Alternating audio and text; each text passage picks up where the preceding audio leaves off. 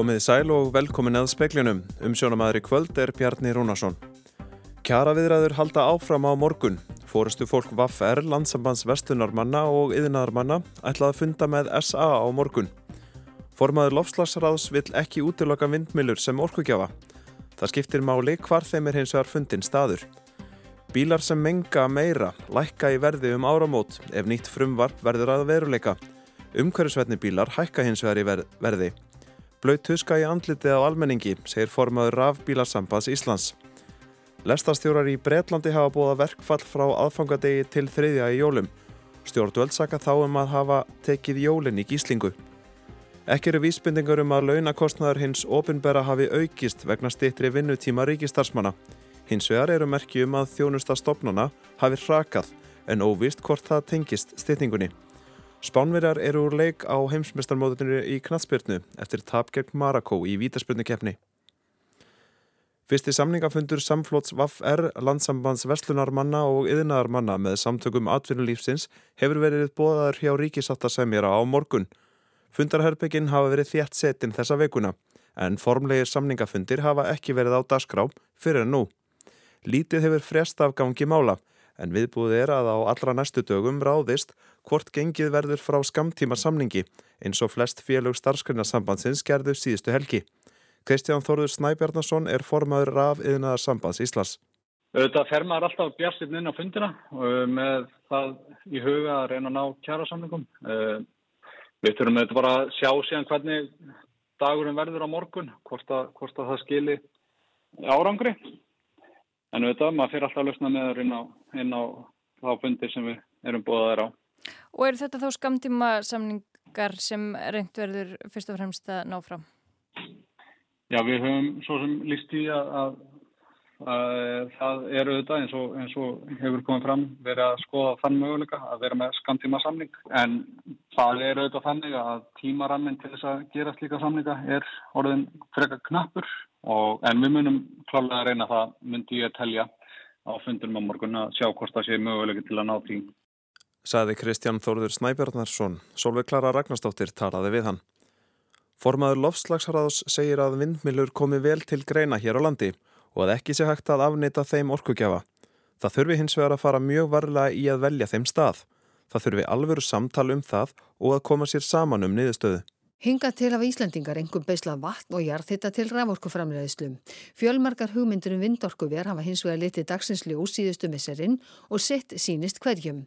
Vindmilur þykja bæði stórar að umfangi og afli og þær getur hæglega breytt svipilandsvæða þar sem þeim yrði komið fyrir. Haldur Þorgersson er formaður loftslagsráðs. Við höfum ekki hugað að vindmilum eða herri leið uh, að því að við höfum haft svo mikið af öðru. Uh, ég á erfitt með að sjá fyrir mér uh, framtíð uh, þar sem að Ísland bara afneitar því að nota eina leið til þess að ná í sólarorkuna. Þannig en það þarf að fara mjög varlega þegar það kemur að því að staðsetja vindmilur. Og staðsetning á vindmilum er mjög mikilvægt samtal og það þarf að vera alvöru samtal það sem að allir koma sér saman um það og, og uh, sjálfur bjó ég, bjó ég sem uh, á Rínarbökkum og, og, og þekki hvað vel staðsettar vindmilur geta verið fallegar í landsleginu en vindmilur á vilsum stað eru jafn ljótar. Þannig að vindmilur koma vel til greina hér? Sjálfsögðu. Saði Haldur Þorgersson, Jóhanna Vigdís Hjaltadóttir talaði við hann. Skipverjar á varðskipinu Þór heldu í dag áfram leitinni að skipverjanum sem fjall útbyrðis á laugardag úti fyrir Garðskaga. Leitað var með neðan sjáarfari sem var sjósett eftir hátegið en gert er að fyrir að leita með því fram á kvöld. Farið er búið hliðar hljóðsjá, aukmyndavilar og fariverður yfir gögnin þaðan í kvöld og á morgun. Stitting á vinnutíma ofinbæra starfsmanna hefur ekki leitt til herri launakostnaðar hjá ríkinu. Hins vegar eru vísbendingar um að þjónustu ríkistofnana farir rakandi. Þetta er meðal þess sem kemur fram í nýri skýslum um áhrif vinnutíma styrtingarinnar. Í síðustu kjærasamningum var samið um styrtingu vinnutíma hjá ofinbörum starfsmönum, gætnanum rúma klukkustund á veiku. Þessi styrting hefur verið útfærð á hverjum stað fyrir sig. Sum staðar fara menn fyrr heim einn og eitt fórstu dag, Annar staðar steytast allir dagar örlítið. Endurskoðunaskrifstofunni KPMG var fallið að meta áhrifin á útvæslunni. Almenn ánægja reyndist meðal starfsmanna með það að þurfa að vinna minna. Þeir gefa útvæslunni að meðaltali einhvernuna 4,1 af 5. KPMG vekur þó aðteglega á því að í þjónustu konunum almennings séu vísbendingar um að þjónustu stopnana færi hrakandi. Hjá 13 af þeim 15 stopnunum sem Gallup hefur samanburði yfir hrakaði þjónustu millir árana 2020 og 2022. Í það minnsta var það upplifun almennings. Eina forsendum steytingarinnar var að hún ætti ekki að leða til aukins launakostnaðar hjá henni ofinbera. Starfsfólk ætti að afkasta því sama á steytri tíma. Það verist hafa gengið eftir, allavega enn sem komið er. KPMG segir hverki merki um að launakostnaður hafi aukist vegna steytingarinnar eða að yfirvinna hafi aukist. Alexander Kristjánsson tók saman. Fái frumvarpum fjáraukalög að standa óbreytt, lækka bílar sem menga meira í verði um áramót. Umhverjusverðni bílar hækka eins vegar í verði. Formar rafbílasambands Íslands segir þetta skref aftur á bakk og telur skuldbindingar Íslands í lofslagsmálum í hættu. Frumvarpum breytingar á fjárlögum næsta árs kveður á um að 5% vörugjald verði lagt á allar bifræðar. Hingað til hefur þetta vörugjald aðeins verið lagt á bíla sem menga mikið. Formúlan að baki útreikningi vörugjalds breytist með frumvarpinu þannig að vörugjöld á bíla sem menga meira lækka. Þar að auki mingar afsláttur á virðusökaskatt á rafbílum. Tómas Kristjánsson, formaður rafbílasambands Íslands, segir að þessi stefna stjórnvalda sé afturkvarf til fortíðar. Svona framkoma stjórnvalda bara er, er í raun og bara blöyt huska í andlitið á almenningi sem að vil taka þátt í orkusskiptunum. Tómas segir að orkusskipti séu einn starsta aðgerð sem Ísland getur ráðist í til að minka losun. Ef kvatin til að kaupa umhverjusvætni farskjóta minkar, sé skuldbindingum Íslands í lofslagsmálum stefndi hættu. Tómas segir engum blöðum um það að fletta að rafbílar séu umhverfisvætni kostur en bílar sem ganga fyrir elsneiti. Já, ég, það er ekkert sem að engin handbærið gögg til sem að sína fram á neitt annað. Segir Tómas Kristjánsson, Otur Þórðarsson rætti við hann. Meiru hluti fjárlaganemdar leggur til að fjölmiðlar á landsbyðinni sem framleiða efni fyrir sjónvarp fái 100 miljónir króna í styrk á næsta ári. Eina sjóarstöðin utan höfuborgarsvæðisins á það á hættu að leggja upp laupana um áramót að óbreyttu. Tillaga nefndarinnar kom fram fyrir aðra umræðu um fjárlaga frumvart næst árs. Þetta er eina breytingin í fjölmiðla hluta frumvarsins. Bjarke Jólsen Gunnarsdóttir, formaður fjárlaga nefndar, segir að með þessu vilji nefndin styrkja grundvöld fjölmiðla á landsbyðinni. Hún segir að skipting fjárins ráðist af reglugjör sem mentamálar á þeirra setur. Nefndin hafi ekki eirnamert enn fjórum styrkin þó það sé eina sjónvarstöðin utan höfuðborgarsvæðisins. Marja Björk Ingvadóttir, framkvæmdastjóri N4, segi standa frammi fyrir því að þurfa að loka stöðinu um áramót. Auglýsingasala hafi minkað mikið og styrkir dreyji saman. Stöðningurinn getur breytt miklu. Ef þetta verður að veruleika, þá bara eigs öll fjölmiðla umræða af landsbygðunum. Hún vil að þið ofinbera byggja upp styrkjakerfi til að ebla fjölmiðlaregstur. Og eins og við veitum þá þekkjast ríkistyrkir á Norðurlöndunum og, og hér á landi hefur verið rætt um að fara þess að dömsku leið sem enda fyrst og fremst til þess að tryggja bara óháða fjölmjölun af öllu landinu. Saði Marja Björk Yngvadóttir, Brynjólfur Þór Guðmundsson tók saman. Og nú er nýlokið fyrirleik dagsins í 16 leiða úslitum heimsmestramóts Karla í fótbolta. Þar mættust Spánverjar og Marakomen. Leikurinn var markalauðs eftir framlengingu og því reyðust úslitin í vítaspyrni kefni. Það reyndust Marakomen sterkari og fara áfram í áttarleiða úslit en Spánverjar eru úr leik. Spánverjar klúðuruðu öllum þremur vítaspyrnum sínum en Marakomen skoruðu úr þremur.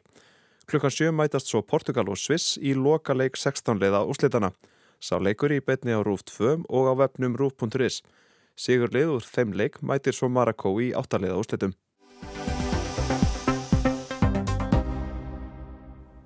Skamtíma samningar endur spekla óstöðuleika í efnahagsumhverfinu og minna á samningar sem gerðir voru á 8. og 9. áratug síðustu aldar, segir Gilvi Dalman Aðalsteinsson, vinnumarkas sérfræðingur og dósend við Háskóla Íslands.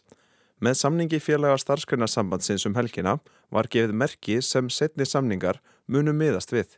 Svona ef við skoðum bara svona kannski yfir langt tíðanbíl hvernig kjæra samningar hefur verið að þróast í Íslandi og förum aftur til 8. og 9. ára til síðustu aldar þegar var verðbólgu tími mikil óvis efnaðasmálum og svo framvegis þá eru kjærasamlinga gerðið til mjög stutt stíma yfir kannski til 13 mánuða. Svo koma þjóðsáttarsamlinga 1990 þá kemur við í stöðuleiki og svona upp úr aldamótum þá sjáum við kjærasamninga gerða alveg sem að náðu alveg í 46 mánuði og, og það eiginlega varir alveg fram að hrunni svona eftir hrun er svona meiri ímist eða langir eða stutti kjærasamningar en við sjáum því við leitt ef við skoðum bara kjærasamninga hér á Íslandi að þegar það er svona óvisa óstöðuleiki verðbólka þá eru kjærasamninga gerði til stuttstíma þá erum við að verja kaupmáttinn og, hérna, og þá sjáum við yfirleitt samflót En í góðæri að þá hérna, eru kannski dreifstýrðari kjærasanningar og þá hefur við séð kannski einstakar stjættafjölu að fara fram einn og sér. En núna erum við alveg með þetta skólabókadæmi, það er, það er óvisa, það er verbulga, háttvægsta stig og, hérna, og það verður að verja kaupmáttinn og það er dýrtíð og hérna, þannig þá er ekkert óveld að sjá þetta byrtast, þessi byrtingamind, hún er ekkert óveldleg. Formaður starfskreinasambandsins hefur látið að fylgja um leið og hann hefur rósað nýja samningnum að náist ekki að hemja verðbolgu og vexti á næsta ári megi búast við harðri rimmu á vinnumarkaði þegar samningur rennur út. Það sem að menn með ekki gleyma að þó að kjærasamningur sé í gildi og þessi friðarskilda sem við þekkjum er í gangi að þá eigum við stöðt að vera í einhverjum samræðum það að reyna hvernig kjærasamningur eigi að verða eða þróast og Núna hefur ég hert að minn alltaf bara strax að hefja standa við undirbúinisnýst kjærasamning sem bara mjög gott. Nú það, það sé kannski stutt liðið, e, þessi kjærasamningu sem er varur undir þetta núna um daginn og hann var laus núna um hvað mánabótin oktober, öst 1. november og þessi samningu sko samkvæmt vinnulögjöfinni þá eiga menna skipulegja viðræður, gera viðræður allir tíu vikum ára samningar ennur út, þannig að höfum búin að vera mikil vinna í gangi og svo er þeim enn að tala um íslenska vinnumarkarsmódeli það sé svo galla vegna þess að kjærasamningu tekur aldrei við að kjærasamningi og svo gerist það núna sem var mjög ánægilegt og það er einni eðlilega ástand að kjærasamningu tekur við að kjærasamningi. Það hefur náttúrulega vakið aðtekli það er stutt síðan að var þingalþjóðu sambandsins þar sem að gengu út fórustumenn þryggja félaga var fyrr starfskarinasambandsins og eblingar og stóð eiginlega bara allt í játnum þar þinginu fresta, þetta er svona svolítið í millibils ástandi og svo núna er þessi miklu ágreiningu sem byrtist bara um helgina milli fórastumans starfskarinasambandsins og svo vaffer og eblingar sem að voru svona vopna sískin bara fyrir örskömmu. Jú, jú, það er alveg rétt og þetta er svolítið merkilegt og, og ég myndi að byrja að segja að þetta er mjög slæmt fyrir verkefælsreiningunni heilsinni og almennt hefur verið íslensk verkefælsreining verið svona samstíga og hérna í því sem hún hefur gert og hérna þessi ágrinningu sem uppi núna er ekki góður fyrir verkefælsreifinguna og skiptir miklu máli að vera með svona, svona samheldni í verkefælsreifingunni sko, það sem vinnuveindur náttúrulega vilja kannski best fyrir þá er að hafa svona samheldna samstíga verkefælsreifingu og semja kannski við einn aðila. En við sjáum rauninni sko hérna að því að Bjarni Ben fjármáráðra var svolítið að gaggrina íslenska vinnumarkasmódulu um daginn og, hérna, og við sjáum að þessar kröfu sem eru uppi sko, það, er, það, er, það er svo erfitt að henda reyður þar sko, það sko, er prósenduhækkun í einu félagi það er króndulhækkun í öðru og svo enda meiri króndulhækkun í þriðja félaginu. Þú getur henni kannski ekki endilega að fara að móta svona, sem gagnaðili í samningum hvernig þú ætlar að mæta þessu öllu saman. Þannig að það er eins og með lífskjara samningun sem er mjög merkilegu samningur sem var gerður 2019 til 30 ára Það er, laða línur er fyrir alla og svo ég meira að segja ofri starfsmenn komur svolítið eftir og tóku með að lífskerrasamlínum. Eh, það sem ég finnst svolítið merkilegt með, hérna, sérstaklega sem er merkilt með Vaffer. Eh, Vaffer er að merkulítið mjög sérstakt stjættafélag, þetta er eitt stærsta stjættafélag landsins og, og, hérna, og lítið hluti félagsmanna Vaffer er að taka laun eftir taksta og ef maður skoða bara launakonu Vaffer frá því í februar síðastlinum, það sem er rífilega 12.000 manns tóku þátt þá eru tefnilega 4800 mann sem svara konunni sem teljast vera stjórnendur eða sérfræðingar og meðalögn þess að fólksangat launakonunni er um mið, mið, miðtalan er um 800.000 og síðan er líka í kjærasanningi vaffir ákvæðum personabundu laun þar sem þú semur sjálfur um launin þín. Þannig að ég hef spennt á það að vaffir annars verð og, og ebling hins verð eiga ekki mikla samleið hvað þetta varðar.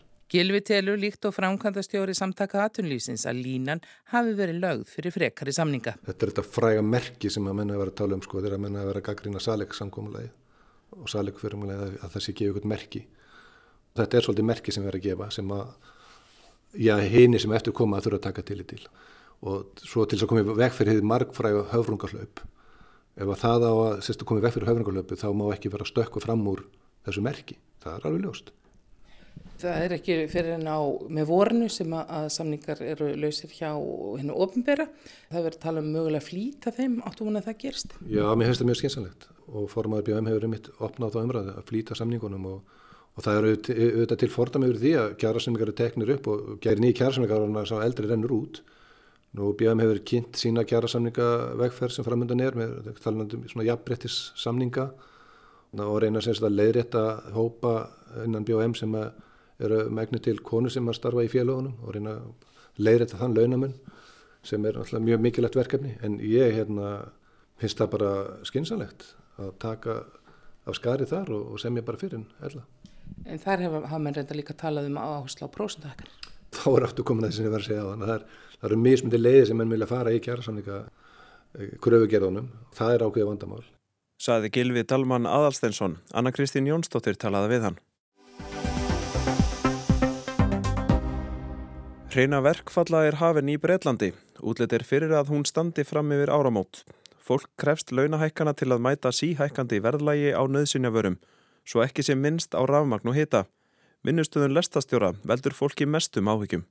Starfsfólk Sjelter hjálpar samtaka fyrir heimilislausa í höfuðborginni Lundunum og víðar í Breitlandi lagði niður vinnu í gær, alls á 700 manns. Hópurinn kemur ekki til starfa að nýju fyrir enn 16. desember. Sharon Graham, framkvæmda stjóri Unite, stjættarfélagsstarfsfólksins, segir að stjórnendur Sjelter hafi bóðið 3% launahækkun. Það sé allt of lítið miðað við verðbólgu undan farinna mánuða. Starfsfólkið geti ekki lengur staðið undir húsalegunni og eigi á hættu að lenda á göttunni rétt eins og skjólstaðingar þess. Starfstúlka Sjelter segist í viðtali við AFP fréttastofuna hafa þurft að nota yfirdrátt í bankanum til að standa ströym af húshittunar kostnaðinum. Hún sé einstæð móðir og fá í magan í hvert sinn sem hún þarf að borga fyrir skólaferðalög barnsins síns. Það minsta sem hjálpar samtökin geti gert sé að greiða starfsfólkinu mannsæmandi laun. Sharon Graham segir skjálfilegt að hugsa til þess að starfsfólk sjálftir eigi á hættu að missa húsnæðið. Samtökin eigi í nóga peninga til að hækka launin sómasamlega en stjórnendur þeirra hafi ákveðið að gera það ekki. Strætisvagnastjórar og starfsfólk bresku postþjónustunar hafa þegar lagt niður störf. Hjúkrunafræðingar samþyktu í síðasta mánuði að bóða til verkfalls í fyrsta sinn í rúmlega hundrað ára sögu samtaka þeirra. Þeir hyggjast fara í verkfall tvísvarsinnum í mánuðinum. Yfir 10.000 sjúkraflutningamenn og bráðaliðar ætla einnig að fara í verkfall. Tilkynnt var í dag að þeir ætluðu að leggja niður störf 21. og 28. desember. Þeir hafa fengið tilbóðum með 4% launahækkun. Stjættarfélaga þeirra segir að það sé í raun og veru tilbóðum verulega launalækkun þegar tillit sé tekið til þess að verðbólgan í Breitlandi hafi farið yfir 11% í oktober. Bráðaliði í Lundunum sagði viðtali við BBC að ástandið væri óvið unandi. Auk þess að launin væru allt og lág, væri vinnu álægið mikið. Fólk færi þreytt í vinnuna og kemi döðþreytt heim en ætti ekki annan kost en að brosa í erfiðleikonum. You know, you come to work tired, go home tired, and you do it all again the next day. But, you know, we keep smiling as I say and we just keep going. Fleiri stjættir hafa bóða verkvöld, þeirra meðal kennarar, hafnarstarfmenn og lögfræðingar í þjónustu hins opimbera. Mestan óhug hefur þó sett að breytum vegna þess að lestarstjórar og starfsfólk í álbrautana hyggst leggja nokkrun sinnum niður vinnu þegar líða þeirrað jólum og einnig frá aðfangadegi til þriðja í jólum. Það þýðir að ferðalög yfir hátíðirnar eru í uppnámi og raunar einnig jólahald hundraða þúsunda um allt Breitland. RMT, stjættarfélagsstarfsfólks í samgöngugeranum, ætlar ekki að láta þar við sitja. Tveggja sólarhinga verkvöld hafa verið bóðuð 13. og 14. desember, aftur 16. og 17. og loks í tvísarsinnum tvo sólarhinga í fyrstu viku eftir áramót. Nadim Sahavi, formaður í halsflokksins og ráþæra í ríkistjórnir Ísis Sunaks, segir að sér þykki afar ógeðfelt að RMT, upplugasta stjættarfélag Bretlands, ætli að eidilegja jólinn fyrir fjölda fólks. You're coming up to Christmas, it's unfair in my view for the unions uh, to really damage people's and disrupt people's lives and livelihoods at, at a time at Christmas. Gert er ráð fyrir að um það byrj 40.000 starfsmenn bresku hjálpbrautana og lestarfélagana taki þátt í vinnustöðvuninni. BBC hefur eftir Mark Lynch, framkvæmda stjóra stjættarfélagsins, að það sé vissulega leiðinlegt að aðgerðirnar eigi eftir að valda fólki erfiðleikum. Sökin líki þó alfarið hjá stjórnvöldum sem neyti að koma til móts við kröfur félagsins um við unandi kaup og kjör. Breskastjórnin segist einfallega ekki hafa efni á að semja við stjættarfélög og opnbæra starfsmanna um launahækkanirnar sem farið er fram á. Nick Gibb, ráð þeirra skólamála, sagði í sjómarps viðtali í dag að félögum RMT hefði verið bóðin 8% launahækkun næstu tvö ár. Tilbóðinu hafi verið hafnað án þess að það væri einu sinni borrið undir félagsmenn. These sorts of pay demands of 19% and so on are just not affordable in, in the public sector or indeed in the private sector. Útilokað er að fallast á kröfuna um 19% að launahækkun hjá hinnu opimbera og einni í engageranum, sagði Nick Gibb. Með bóðuðum aðgerðum hafi RMT í raun og veru tekið jólinn í gíslingu. Ásker Tómasson tók saman. Halda utanum langstökskeppni drengja kaupa inn fyrir sjöppuna á köruboltamóti, selja varning fyrir björgunusveitina, taka sæti í stjórn skátafélagsins eða skúra gólfið eftir ásáttíð í Íþróttahúsinu í bænum. Já, fjöldi fólks tekur þátt í sjálfbúðastarfi af ymsum toga, án þess að þykja krónu fyrir. Framtak sjálfbúðaliðans er mikilvægar en við gerum okkur alltaf grein fyrir og samkeppni um tíma og aðtekli fólks verður sífælt harðarei. Þetta var meðal þess sem var veld upp á ráðstefnunni alveg sjálfsagt sem haldinn var í gær á alþjóðlegum degi sjálfbúðaliða. Meðal frumælanda voru Viðar Haldorsson og Steinun Hrapsdóttir, bæði profesorar á félagsvísindasviði Háskóla Íslands. Um 30% Íslendinga taka þátt í sjálfbúðaliða starfi af einhverju tægi. Þessi tala er algjörlega pari við hinn Norðurlöndin. Það hafa verið gerðar svona samanburðar rannsóknir alveg frá árinu 1990 og það er bara alltaf þannig að Norðurlöndin þau skora hæst og þá sérstaklega í íþrótt og æskulístarfi. Hvers konar starfi er fólk aðalega að, að leita í? Það eru íþrótta og tómstundastörfin og síðan eru það velferðarfélög, svona góðgerðar og líknafélög og kannski þriðja lagi eru ímiskona menningarfélög. Það er svona dæmigerður sjálfbóðaliði fyrir hendi og þetta tengist mjög oft svona félagslegri stöðu fólks Það er algengar að sjálfbóðaliða séu langskólagengnir, þeir eru ákveðnum aldrið, 30-39 ára með börn á heimilinu og búa síðan í dreifbíli og eru í góðum félagslegum tengslum. Það er svona eh, tilneyingin. Lífskeiða kaplöpið, það er endalust. Er það að taka fram úr ungmennafélags andarum sem var hér við líðið um, um aldir?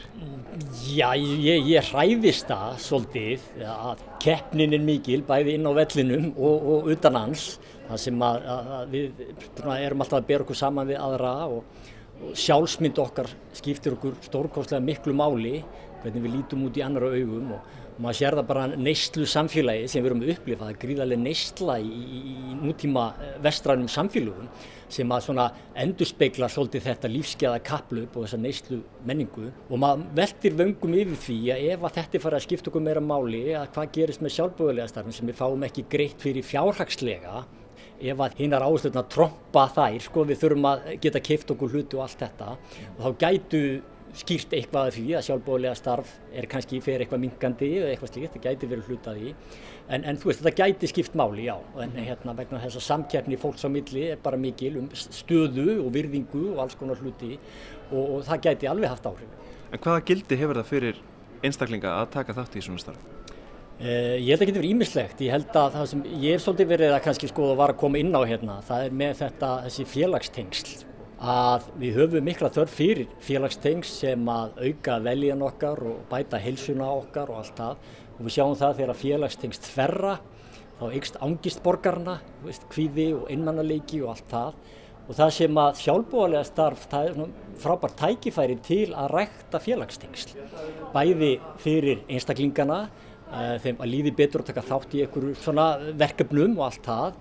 Eh, líka það styrkir tengslanetera og að þekkja fleira fólk og stækka tengslaniti það er jákvæmt fyrir einstaklinga að þekkja fleiri alls konar tækifæri í því, alls konar ströymar og stefnar sem, sem að þú myndir missa af annars og allt þetta. Og svo hefur þetta sjálfsögur bara mikilvægt fyrir samfélagi sem heilt sko.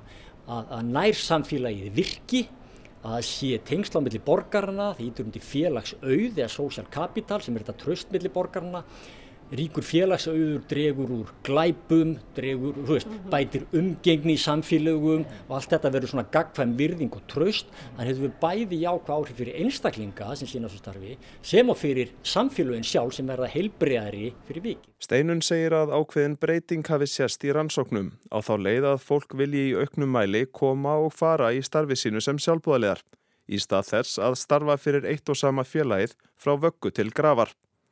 Þörf fólks fyrir persónleg samskipti kom bersinlega í ljósi í heimsfaraldrinum. Steinun segist ekki sannfarð um að bakslag hafi orðið vegna faraldusins í frambúði sjálfbúðaleiða. Viðar og Steinun tala bæði um að félagsleg þáttaka fólks í eigin personu sé meiri eftir faraldurinn. Til að mynda finnir þau fyrir því að nefnendur þeirra mæti betur í tíma í háskólanum en áður. En talandi um ungt fólk. Ég spurði hvort ungmennafélags anda litningurinn sem kerði áfram starf æskulísfélaga áður fyrr sé til staðar í erðamengi ungu kynsluðarinnar. Sko samfélagi er alltaf að breytast og áhrif samfélagsins á fólk.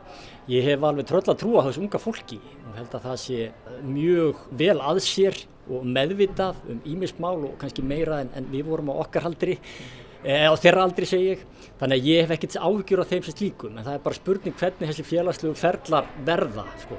Eru þau að rækta tengslinn í nærsamfélaginu? Það er kannski svona punkturinn sem ég finnst áhugaverður.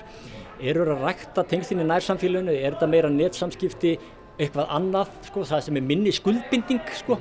Þú getur verið í frábærum tengslum við fólk hér og þar í heiminum en skuldbindingin er kannski ekki endilega svo sama og mér finnst alltaf mikilvægt að við náum að rækta tengsl, félagstengslinn í nærsamfélaginu vegna þess að ef, það, ef að þú ert sko eins og rannsóknu steinar að benda á að þeir sem eru í sterkum félagslegum tengslum eru líkleri til að taka þátt í svona starfi.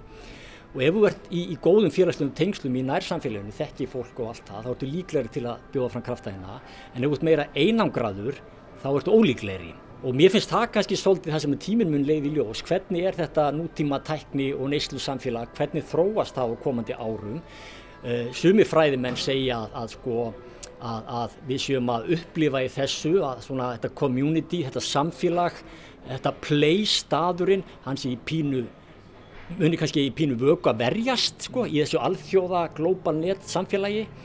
Og ef að það gerist þá svona kannski er minni líkur að unga kynnslunum takir þátt í einhverju samfélagsstarfi í nærsamfélaginu. En ef að við náum að halda þessu og varveita nærsamfélagið og öll þessi mannlegu tengslu en félagsauð sem býr í nærsamfélaginu þá hefur við enga, engar ágjöru því og það mörg kannski taka bara miklu meira þátt en við sko. En það sem snýra að félagunum sem að reyða sig á sjálfbúðaliða hver er svona þeirra staða og hvað geta þau gert til þess að, að laða fólk að borðinu? Já, það hefur reynda verið heilmikið skrifað um hvernig hægt er að laða sjálfbóðaliða til starfa og það er kannski bara í fyrsta lægi þá þarf þetta að vita af hverju fólk er að vinna sjálfbóðaliða störf. Þú þarf þetta að finna þeim verkefni við hæfi. Þetta þarf að vera skemmtilegt, þetta þarf að vera félagskapur, þú þarf þetta að rósa fólki og þú þarf að hafa sjálfbóðastörfin sínileg og aðgengileg. Ég til dæmis teki eftir því að það er ekkert vola aðgengilegt á mörgum heimasíðum að, einhver hnappur þar sem fólk getur ítt og sagt ég vil vera sjálfbóðaliði, og mér finnst það kannski vanta svolítið hjá okkur og það þarf líka að vera einhver starfsmæður hjá félagunum sem svona heldur utanum hópin af sjálfbóðaliðum. Það er svona kannski megin línutnar.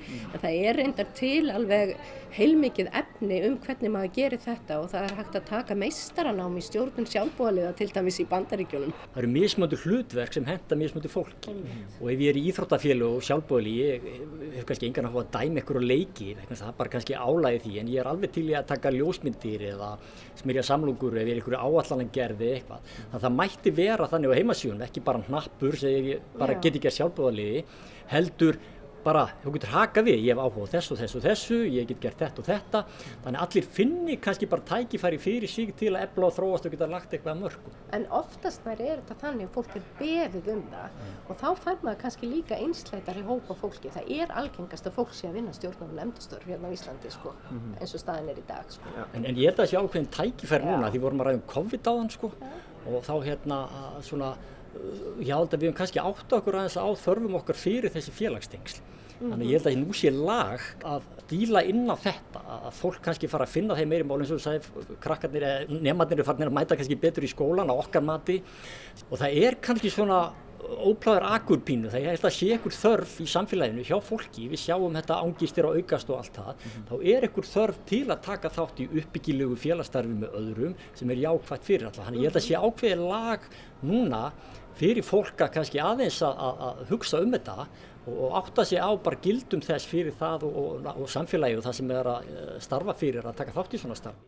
Saði Viðar Haldásson áður herðist í steinunni Rapsdóttur. Það er ekki fleira í speklunum í kvöld verðið sæl.